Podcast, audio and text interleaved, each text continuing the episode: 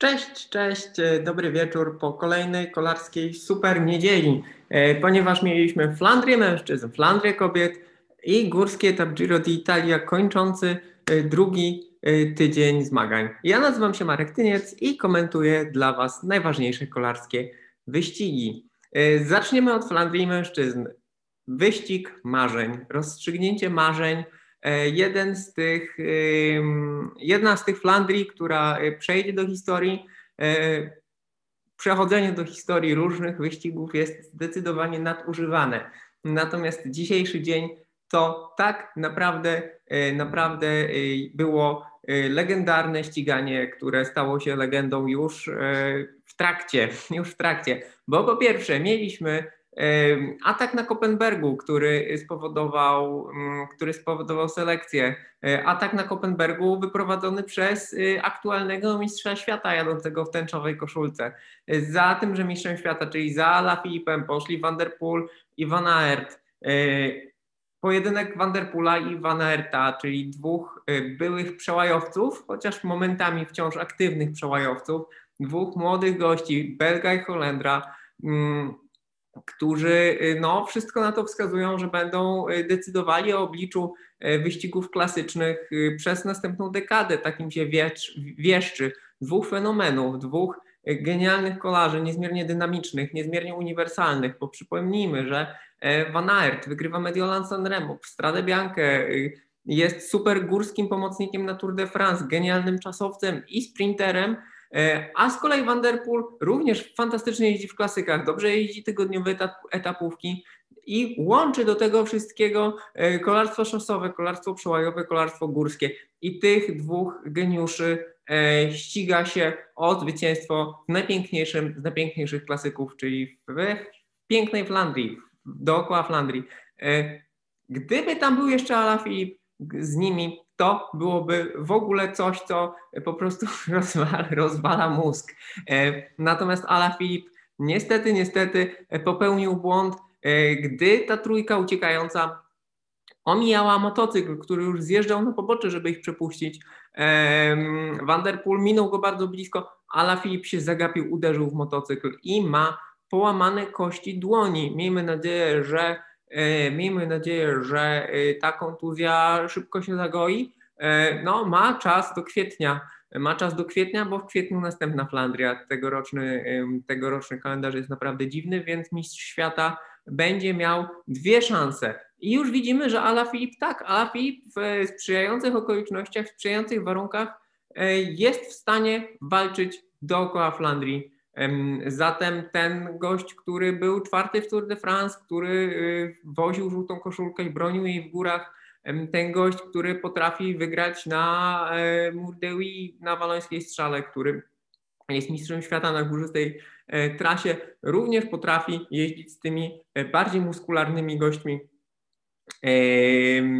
z byłymi przełajowcami, ze specjalistami brukowanych klasyków, takich jak Van Marke, Krzysztof i tak dalej, czyli z tymi wielkimi chłopami, górami mięśni po prostu, e, jest w stanie z nimi rywalizować.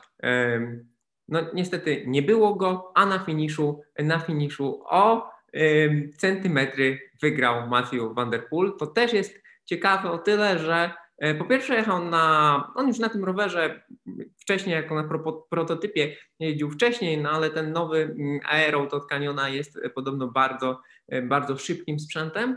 To raz. Dwa, że wygrał na hamulcach tarczowych, e, pokonując zawodnika jadącego na klasycznych hamulcach szczękowych. I trzy, że jednak Van der Poel, chociaż jest tą wielką, wielką gwiazdą, nie jeździ w drużynie World Tourowej. Jego ekipa to jest tylko drużyna Pro Conti. E, Aleksander Krzysztof III to też warto podkreślić, najlepszy z e, peletoniku, e, peletoniku, który już był całkiem blisko za Vanderpoolem i Van Aertem, ale, ale nie dogonił. No i tyle mężczyźni. Jeżeli chodzi o kobiety, Chantal Black wygrała. O tych kobietach trzeba cały czas wspominać. Znaczy nie trzeba, warto, bo to ich ściganie jest również bardzo ciekawe. No natomiast przyznam się szczerze, że już E, w natłoku wydarzeń nie miałem na to czasu i będę oglądał e, odtworzenia. Zatem tylko wspomnę. No i teraz Giro, teraz Giro e, i mamy, mm, po pierwsze mamy zadymę wokół e, tego, co robi Bora Hansgrohe i postawy Rafała Majki, ale o tym powiem później, ponieważ gość, którego widzicie na zdjęciu, Theo Gegenhardt, e, zrobił rzecz wyjątkową, to znaczy mm, pokonał, pokonał dwóch zawodników Sunwebu. Sunweb wziął na siebie ciężar prowadzenia peletonu, nadawania tempa, nadał to tempo na podjeździe w Piancavallo naprawdę dzikie. E, I mimo to Gegenhardt e, był w stanie im poprawić w końcówce. To jest dość dynamiczny zawodnik faktycznie, ale istotne jest to, że on wytrzymał tempo, e, wytrzymał tempo nadawane przez całą drużynę. Ten młody Jay Hindley, który pomagał Keldermanowi, naprawdę spisał się świetnie. I Gegenhardt wygrał etap i on rośnie, rośnie tutaj z dnia na dzień. Jego forma, forma idzie wyraźnie w górę. Ładnie pojechał czasówkę, kolejne górzyste etapy jeździ coraz lepiej, zaczął troszkę, troszkę wolniej, ale teraz wygląda na to, że moi mili Gegenhardt jest w grze, kto wie, kto wie, e, może, może nawet o zwycięstwo, ponieważ no, ten dzisiejszy etap e, był ciężki. On, niektórzy podejrzewali, że on może kończyć Giro. Wygląda na to, jeżeli E, w dniu przerwy nie będzie jakiegoś covidowego pandemonium, to e, Giro jedzie dalej. Mm, pogoda dzisiaj była dobra, podobno na Stelvio nawet się poprawia, więc kto wie, może nawet i Stelvio uda się rozegrać. Mm, no więc wygląda na to, że te góry będą, więc ten trzeci tydzień Giro, nawet jeżeli będzie poskracany, czy będą tam jakieś niewiadome, to on będzie bardzo ciężki. Mm, słuchajcie, no różnice w generalce są niby duże, ale y, czego trzeba się spodziewać, to że zawodnicy będą padali jak muchy, y, będą słabli. No, Joao Almeida obronił się, obronił się wielkim wysiłkiem. Warto powiedzieć, że on miał wsparcie Masnady prawie do końca. Dobrze jechał, dobrze jechał Nox, więc Almeida jakby oczywiście e, pół podjazdu do Piancavallo wyciągnął sam e, i stracił e, sekundy, 37 dokładnie, plus bonifikatę, ale główną bonifikatę zabrał Gegenhardt. Mm, no i ten Almeida, on oczywiście tak na tle tej trójki, czyli Hindleya, Keldermana i Gegenharta, no wyglądał gorzej. Natomiast trzeba powiedzieć, że on pokonał i Majka i Konrada E, i Bilbao, i Nibalego, i Fulzanga, i Pocovivo, i mm, McNulty'ego.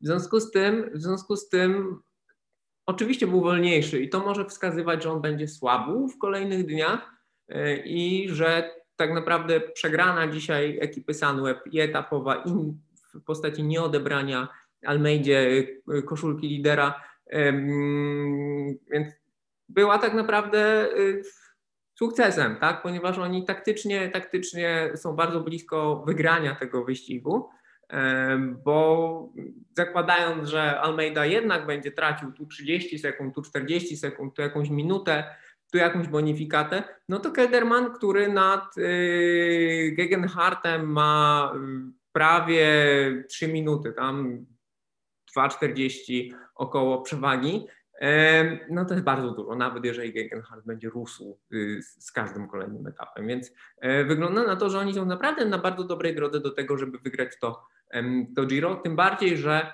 to, co dzisiaj się działo na podjeździe w, Pian w Piancavallo jest rzeczą wyjątkową, bo Giro d'Italia mimo wszystko raczej, raczej jest wyścigiem, który na tych kluczowych na tych kluczowych podjazdach jest odrobinę wolniejszy niż Tour de France. A y, dzisiaj, dzisiaj jednak, dzisiaj jednak y, tempo wypracowane przez całą drużynę Sunwebu i wytrzymane przez Gegenharta było dzikie. 38,56, czyli prawie 39 minut wysiłku. Średnia prędkość podjeżdżania 1740 metrów na godzinę, to jest strasznie szybko. Co więcej, według pliku ze strawy Wygląda na to, że McNulty, McNulty, który przyjechał dość daleko, to znaczy dość daleko, to znaczy przyjechał 15 ze stratą 2,43, on ten cały podjazd średnio pojechał 6 watów na kilogram. Więc poziom, poziom tego Giro d'Italia, poziom tego konkretnego podjazdu był bardzo wysoki. Można tutaj się zastanawiać właśnie nad taktyką zespołu Bora, który oh, jedzie dziwnie, tak? To znaczy tam każdy jedzie na siebie i jakby od, odsuwając całą tą warstwę i otoczkę wsparcia dla Rafała Majki, bo on jest no, reprezentantem Polski, e, on jest e, zawodnikiem spod Krakowa, z, z klubu spod Krakowa, więc ja osobiście też mu bardzo kibicuję, ale bez względu na to, czy to Rafał Majka, czy Patryk Konrad, no oni, każdy jedzie sam, tak? Być może lepsza pozycja wypracowana wspólnie u podnóża podjazdu przy tej pierwszej selekcji spowodowałaby, że oni obaj mniej by się uszarpali, wjechaliby na przykład e, z Almeidą. W związku z tym nie byliby w generalce na szóstym i dziewiątym miejscu, bo Rafał Majka po różnych przetasowaniach trochę stracił, trochę zyskał, no i jest, e, jest nadal szósty, Konrad nadal jest dziewiąty. Niby status quo, ale Majka nadrobił nad Nibalim Pocowiwo i parę, e, parę okruszków nad Bilbao. E, to mogłoby wszystko wyglądać trochę inaczej, tak? Natomiast wyścig jest długi. Rafał Majka jest znany z tego, że jeździ bardzo stabilnie, jeżeli tam nic złego się nie dzieje i być może on skończy na podium. Kto wie, kto wie. Natomiast no, też warto podkreślić jeden fakt, że Rafał Majka właśnie dzisiaj pojechał bardzo dobrze. Myślę, że on jechał na maksimum albo prawie maksimum swoich możliwości, mimo że dużą część tego podjazdu faktycznie wytargał sam. E, więc było mu niewątpliwie trudniej, bo on tylko jechał z, mas, z Masnadą, potem jechał sam, e, więc no więc jakby też było na tyle szybko, że tutaj właśnie opór aerodynamiczny ma znaczenie, nadawanie tempa ma znaczenie, e, więc Majka pojechał bardzo dobrze. Natomiast on prawdopodobnie nigdy nie jeździł szybciej, więc on będzie potrzebował właśnie wytrzymałości, kryzysów innych zawodników i cały czas prezentowania tej y, formy, którą zaprezentował. No taka, taka, taka jest kolej rzeczy. On tak jeździ, on tak jeździ, to jest jego poziom. Um, natomiast niewykluczone, że jeżeli wytrzyma to do końca, e, to będzie na podium, bo kto wie, e, bo kto wie, co tam się będzie działo. Jakby już pokazywał, że w końcówkach wielkich turów on jest w stanie e, to tempo, które w konkretnych momentach jest niewystarczające do zwycięstw czy do miejsc na podium, rozłożone równomiernie przez cały wielki tur, wystarcza, wystarcza do zrobienia dobrego, mm, dobrego wyniku. Tutaj myślę, że też szkoda, szkoda trochę, jeżeli chodzi o Borę, szkoda trochę pracy y, tego Włocha, y, Mateo Fabro, bo on naprawdę robi świetną robotę y, i jednak trochę jazda taka każdego zawodnika na własne konto powoduje, że oni mają mniej sukcesów. I Peter Sagan ma mniej zwycięstw etapowych i Rafał Majka nie jest trzeci, a Konrad na przykład piąty w generalce, co by wyglądało dużo lepiej niż szósty i dziewiąty. No ale tak to jest. Trochę to trąca i przypomina tym, co tam się e, działo w drużynie Movistaru.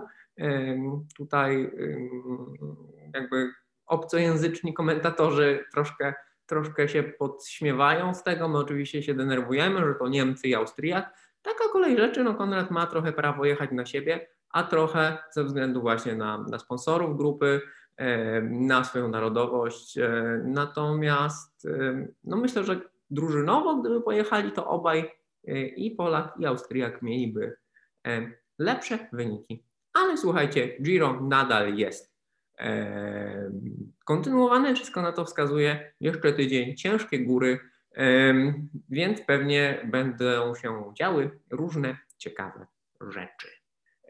I z nadzieją na to, że wyścig będzie trwał, E, zawodnicy będą w dobrej formie i będziemy oglądali e, kolejne tak e, ciekawe etapy jak dzisiejszy.